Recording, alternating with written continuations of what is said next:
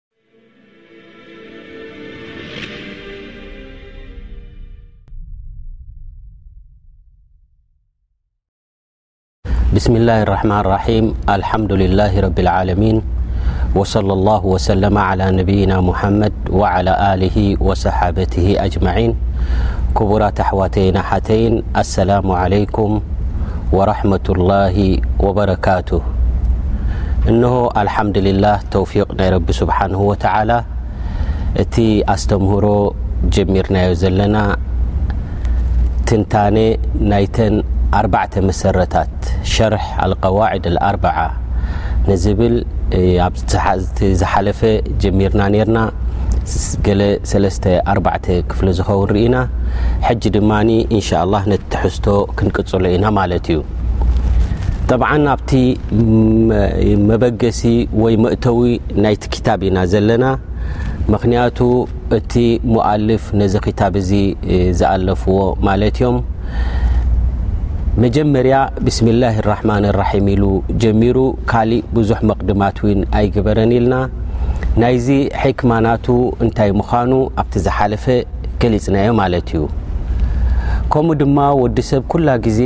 ናብ ረቢ ስብሓን ወተዓላ ተደሩዕ ክገብር ናብ ረቢ ስብሓን ወተዓላ ክልምን ስለ ዘለዎ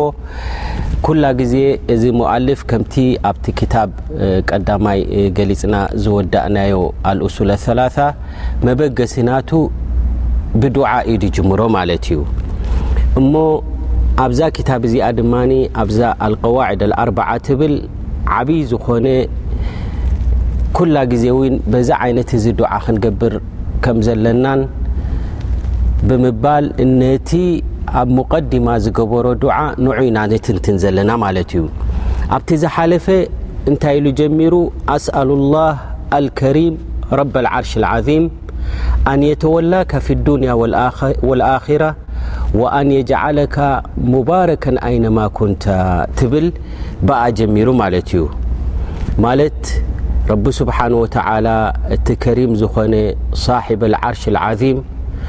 ንሱ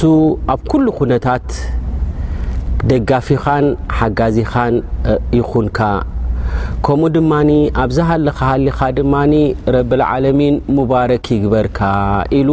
ዱዓ ዓብዪ ዝኾነ ዱዓ ጀሚሩ ማለት እዩ ብድሕሪኡ እውን እንታይ ኢሉ ወኣን የጅዓለካ ሚመን ኢዛ ኡዕጥያ ሸከር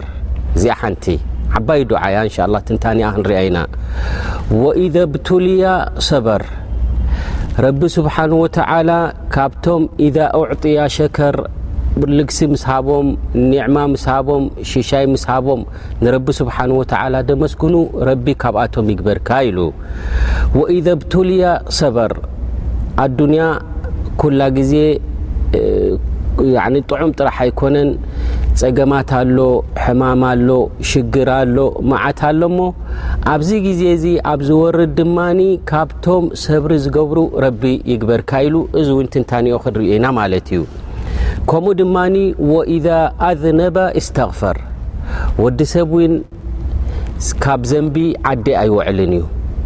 እሞ ዘንቢ ኣብ ዝገበርካሉ እዋን ድማ እስትቕፋር ካብ ዝገብሩ ሰባት ካብኣቶም ይግበርካ ኢሉ ዳሓራይ እንታይ ኢሉ ዓብይ ዘረባ ተዛሪቡ ፈኢነ ሃኡላ ሰላث ዕንዋኑ ሰዓዳ ኢሉ እዘን ሰለስተ ጉዳያት እዚኣተን ተዋሂቦም ደመስግኑ ሽግር ምስ ወረዶም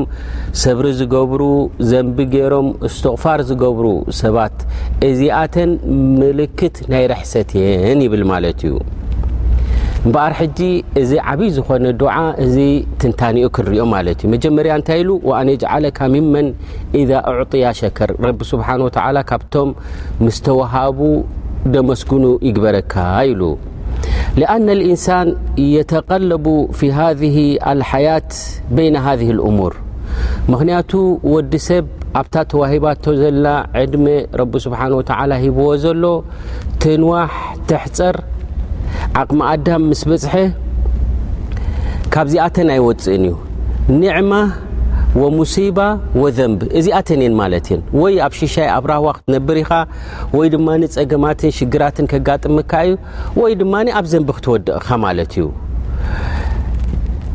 እሞ ኒዕማ ምስ ተውሃቡ ካብቶም ደመስግኑ ይግበረካ ክብል ከሎ ወኒዕማ ኒዕማ ክበሃል ከሎ ርዝቂ ክበሃል ከሎ ሽሻይ ክበሃል እንከሎ ተሽመሉ ጣዓ ኣይደን ነቲ ትእዛዛት ናይ ረቢ ትኽተል እንተ ደኣ ኮይንካ ጣዓት ላህ እንተ ደኣ ኣለካ ኮይኑ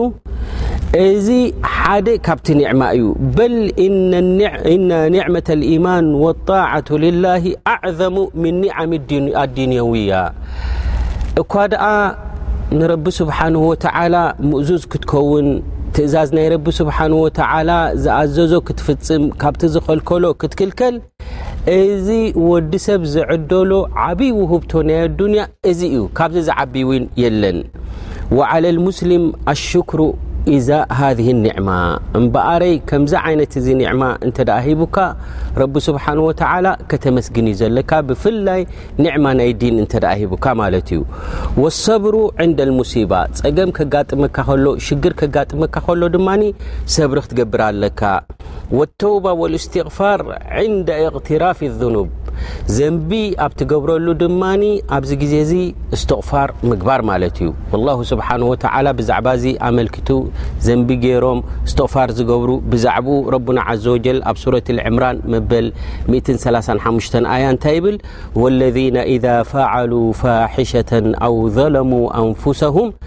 ዘከሩ ላህ ፈስተግፈሩ ሊዙኑብህም ወመን የግፊሩ ዙኑባ ኢላ ላህ እምበኣረይ ሓደ ዘንቢ ክገብሩ ከለዉ ነፍሶም ክዕምፁ ከለዉ እወ ዘንቢ ዝገብር ሰብ ነፍሱ እዩ ድዐምፅ እሞ ኣብ ዘንቢ ምስ ወደቀ ዘከሩ ላህ ብቅፅበት ንረቦም ዘኪሮም ፈስተግፈሩ ሊዙኑብህም ናብ እስትቕፋር ያረብ መሓረና ተጋጊና ኢና ኢሎም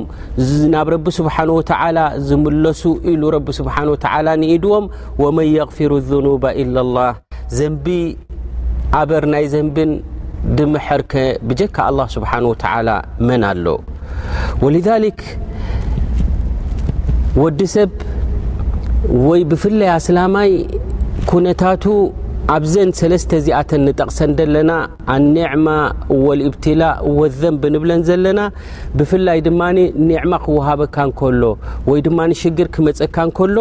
ብዛዕባ እዚ ነቢይና ሙሓመድ ዓለ ሰላት ወሰላም ፊ ርዋየት ሙስሊም ምን ሓዲ ሱሀይብ ኣሩሚ ረድ ላሁ ዓንሁ እንታይ ኢሎም ኣነቢ ዓለ ሰላት ወሰላም ዓጀበን ሊኣምሪ ልሙእሚን ኢሎም ዝገርም እዩ ኩነታት ናይ እስላማይ ኩነታት ናይ ሙእሚን ስኒ ናይ ዝኣማኒ ሰብሲ ብጣዕሚ ዝገርም እዩ እብሉ ነቢ ዓለ ሰላት ወሰላም ኢነ ኣምረሁ ኩለሁ ኸይር ናይ ሙእሚን ነገር ናይ እስላማይ ነገር ስኒ ኩሉ ኩነታቱ እንተ ርእኻዮ ኣብ ጸገምን ኣብ ራህዋን ኣብ ኩሉን ሲ ኸይር እዩ ኢሎም ኣነቢ ዓለ ሰላት ወሰላም ወለይሰ ዛካ ሊኣሓድን ኢላ ልልሙእሚን እዚ ዓይነት እዚ ድማ ብጀካ ኣማኒ ዝኾነ እተዘይኮይኑ ካሊእ ዝዕደሎ ርዝቂ ካሊእ ዝዕደሎ ውህብቶ ኣይኮነን ይብሉ ኣነቢ ዓለ ሰላት ወሰላም እንታይእ እቲ ዝገርም ኢሎም ኣነቢ ዓለ ሰላት ወሰላም እን ኣሳበትሁ ሰራ ሸከር ርዝቂ ድዩ ኒዕማ ድዩ ረቢ ስብሓን ወተዓላ ካብቲ ልግሲናቱ ዓዲን ውዕልና ኩላ ግዜ ሽሻያትናቱ ምሳና እዩ ዘሎ እሞ እን ኣሳበትሁ ሰራ ሸከር ንረቢ ስብሓን ወተዓላ ደመስግን ኢሎም ኣነቢ ዓለ ሰላት ወሰላም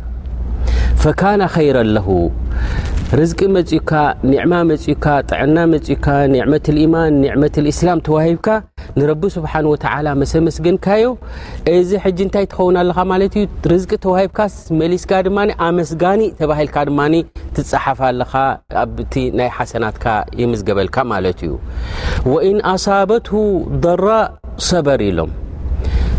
ጸገም እንተወረዶ ድማ ኣስላማ እዩ ኣማና እዩ ሙእሚን እዩ ጸገም እንተወረዶ ድማ ሰበር ሰብሪ ይገብር ትዕግስቲ ይገብር ኩሉ ነገር ካብ ረቢ ስብሓን ወተዓላ ይብል ፈካነ ኸይረ ኣለሁ ናይዛ ትዕግስቲ ዝገበራ ድማ እዎ ሽግርን ጸገምን ተዓብን እኮ እንተመጾ ብሰንኪ ሰብሪ ምግባሩ ኩሉ ናይ ረቢ እዩ ኣልሓምዱልላህ ብምባሉ ድማ ሕጂ ኣብቲ ሚዛን ሓሰናቱ ድማ ይጸሓፈሉ በዚ ጉዳይ እዚ ይብሉ ነቢ ዓለይሂ ሰላቱ ወሰላም ጉዳይ ናይ ኣስላማይ ጉዳይ ናይ ሙእሚን ስኒ ዝገርም እዩ ይብሉ ማለት እዮም ወሊዛሊክ እምበኣሪ እዚ ሙኣልፍ ካብዚ ዓይነት እዚ እዩ ወሲድዎ ዘሎ ምስጋና ዝገብሩ ኒዕማ ምስ ተዋሃቦም ሰብሪ ዝገብሩ ሽግር ምስ ወረዶም ካብኣቶም ረቢ ይግበረካ ኢሉ ወነስ ኣላ ዘ ወጀል ኣን ይወፊቀና ሊዛሊክ ወሊዛሊክ ኣስላማይ ኩላ ግዜ ኣመስጋናይ እዩ ክኸውን ዘለዎ ማለት እዩ ኒዕማ ናይ ረቢ ካብ ዝወግሕ በል ካብ ትውለድ በል ኣብ ከብድዴኻ ከለኻ ሽሻይ ናይ ረቢ ኩላ ግዜ ምሳና እዩ ዘሎ ማለት እዩ ይቕፅል እዩ ዘሎ ማለት እዩ ወልዛሊክ እንታይ ክትከውን ኣለካ ኣመስጋኒ ክትከውን ኣለካ ረቡና ዘ ወጀል ኣብ ሱረት ዙመር መበል 66 ኣያ እንታይ ኢሉ በልላሃ ፋዕቡድ ወኩን ምነ ሻክሪን ያዕኒ ረቢ ስብሓን ወተዓላ ዘምልኹ ዝግዝኡ ሕራይ ኢሎም ዕባዳ ናይ ረቢ ዝፍፅሙን ከምኡ ድማ ካብቶም ሻክሪን ኩን ኢኻ ይብል ረቡና ዓዘ ወጀል እንተኾነ ግን ኣመስገንቲ ውሑዳት እዮም እቲ ሽሻይ ናይ ረቢ ብዙሕ እዩ ንኹሉ እዩ ዝበፅሖ ዘሎ ነዚ ኒዕማታት እዚ ተዋሂቦሞ ዘለዉ ናይ ጥዕና ጉዳይ ድዩ ናይ ኢማን ጉዳይ ድዩ ናይ ውላድ ጉዳይ ድዩ እዚ ኩሉ እዚ ተዋሂቡ እንከሎ ደመስግን ውሑድ እዩ ወልሊክ ረቡና ዘ ወጀል ኣብ ሱረት ሰባ እንታይ ኢሉ ወቀሊሉ ምን ዕባድ የሸኩር ኢሉ ውሑድ እዩ ካብቶም ባሮት ናተይ ውሑዳት እዮም ደመስግኑ ኢሉ ማለት እዩ ኣመስጋኒ ኢኻ ክትከውን ዘለካ ማለት እዩ ወኢዘ ብቱልያ ሙሲባ ክመፀካ ከሎ ሽግር ክመፀካ ከሎ ብሙሲበትን ሰበር ወሓበስ ሊሳነ ወጀዋሪሑሁ ዓን ፍዕሊ ማላ ይሕል ፀገም ክወርደካ ከሎ መልሓስካ ይኹን ብኣካልካ ይኹን ሕማቅ ነገራት ክትፍፅም የብልካን ማለት እዩ ወ ረና ዘ ወጀል ብዛዕባ እዚ ኣመልኪቱ ኣብ ሱረት በራ ሽግር ክወርዶም ከሎ መዓት ክወርዶም ከሎ ፀበባ ክወርዶም ከሎ እቶም ኣመንቲ ዝኾኑ እንታይ እዮም ዝብሉ እንተ ኢልካ ረቡና ዓዘ ወጀል ከምዚ ኢሉ ገሊፅዎም ኣለዚነ ኢዛ ኣሳበትሁም ሙሲባ ቃሉ ኢና ልላሂ ወኢና ኢለይሂ ራጅዑን ሽግር ፀገም ክወርዶም እንከሎ ስኒ እንታይ ይብሉ ማለት እዮም ኢና ልላሂ ወኢና ኢለይሂ ራጅዑን ይብሉ ናይዚ ከምዚ ብምባሎም ድማ ረቡና ዓዘ ወጀል እንታይ ኢሉ ኡላኢከ ዓለይህም ሰለዋቱ ምን ረቢህም ወራሕማ ወኡላኢከ ሁም ልሙህተዱን እዚኣቶም እዮም ናብቲ ቅኑዕ መንገዲ ዝተሓበሩ ሰባት ቅኑዕ መንገዲ ዝሓዙ እዚኣቶም እዮም ምክንያቱ እዛ ዓባይ ቃል እዚኣ ዓብይ ማዕና ዘለዋ ብምባሎም ኢና ልላ ወኢና ኢለይ ራጅዑን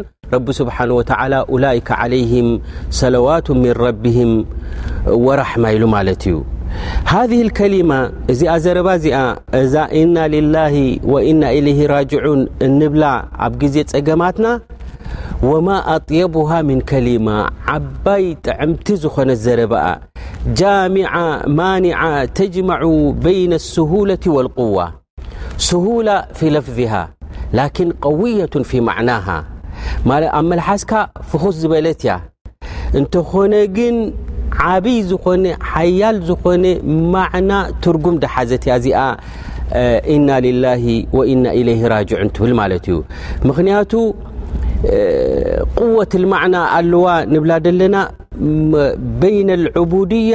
ወልዕዝ ኣብ መንጎ ባርነት ናትካን ከምኡ ድማ ክብረት ትህበካ ወይ ድማ ተተዓዘዝ ቢላ ረቢ ኣለኒ ኢልካ ብረቢ ስብሓን ወተዓላ ትኾርዓሉ ዕቡድያ ኣልመክሉቅ ልልካልቅ ንሕና ባሮት ኢና ክእለት የብልናን ሓንቲ ነገር ክንገብር ኣይንኽእልና ናትካ ኢና ያረብ ድብል ማዕና ድሓዘት እያ ማለት እዩ ማለት ብሓደ ወገን እውን ብባርነትካ ምትእምማን ዘለዋ እስኻ ባርያ ናይ ረቢ ክትከውን ምእዙዝ ናይ ረቢ ክትከውን ዓብይ ነገር እዩ ስለዚ በኣሪ ነዚ ተረጋግፀልካ ማለት እዩ ወዕዘት ልመክሉቅ ብካልቅ ብጎይታኻ ድማ ምምካሕን ትኾርዓሉን ማለት እዩ ንሕና ናትካ ኢና ናባኻ ኢና ንምለስ ፀገም እንተወረድና እውን ናብቲ ራሕማ ናትካ ኢና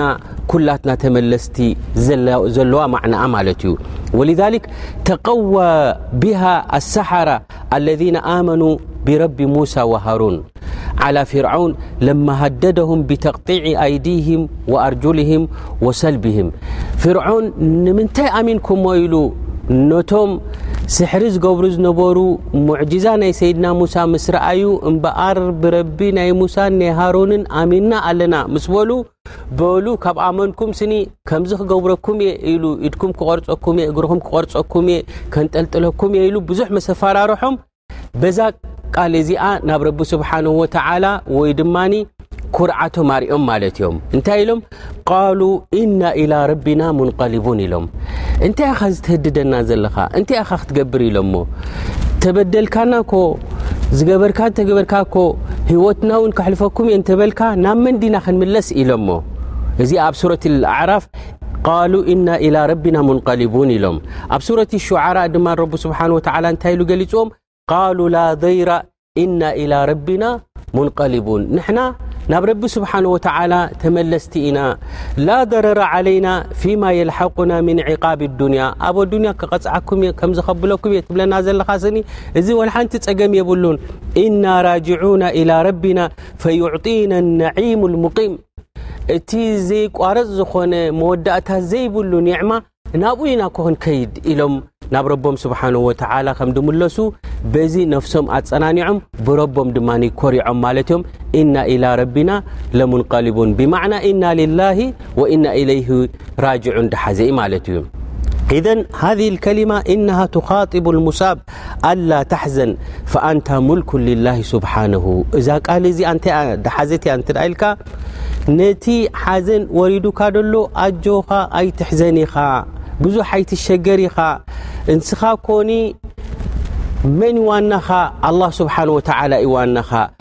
ወኣላ ተተሻኣም ፈኣንታ ቃዲሙን ዓላ ላሂ ሱብሓነሁ ወተዓላ ብዙሕ ከምዚ ኮይነ ከምዚ ኮይነ ኢልካ ኣይተንጸርጽር ኢኻ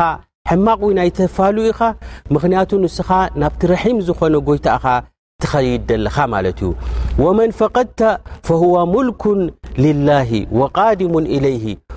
ከምኡ ድማ እቲ ካባኻ ተፈልዩካ ዘሎ እዚ ኣሕዚኑካ ዘሎ ንብረት ድዩ ሰብ ድዩ ጥሪት ድዩ እዚ ካባኻ ተፈልዩካ ዘሎ ስኒ ኩሉ ናብ መን እዩ ዝምለስ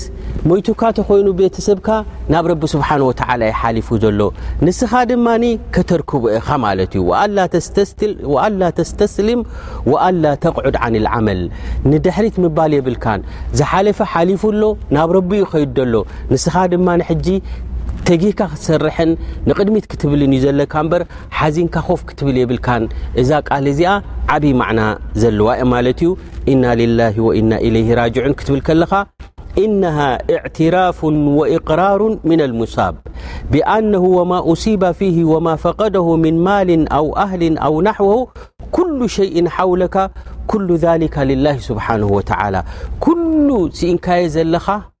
ንብረት ድዩ ቤተሰብ ድዩ ጥሪትካ ድዩ ኩሉ ዋንኡ ናይ ረቢ ንስኻ ውን ንገዛእ ርእስኻ ዋናኻ ረቢ ስብሓን ወተላ እዩ ወማዳመ ኣምሩ ከሊክ እንተ ከምዚ ኮይኑ ድማ ቲ ኩነታት ኣነና ወማ ነምሊኩ ወማ ንሕቡ ወማ ነጅማዑ ሙልኩ ሊላ ኩሉ እምበኣረይ ዝንእክቦን እዚ ንሰርሖን እዚ ንፅዕረሉን እዚ ነብሎ ዘለና ናይ ረቢ ስብሓን ወተላ እዩ ፈልተርደ ነፍስ ወልተጥመኢነ ሩሕ ነፍስኻ ኣረጋጊኢኻ ሩሕካ ውን ወይ ድማ ነፍስኻ ድማ ኣቕስናእኻ ማለት እዩ ምክንያቱ ኩላትና ናይ ረቢ ስብሓን ወተላ ኢና ማለት እዩ ስለዚ እቶም ሞይቶምና ዘለዉ እቶም ሓሊፎም እቶም ካባና ተፈልዮም ዘለዉ ቀዲሞምና እም ከይዶም ዘለዉ ንሕና ድማ ወኢና ኢለይህ ራጅዑን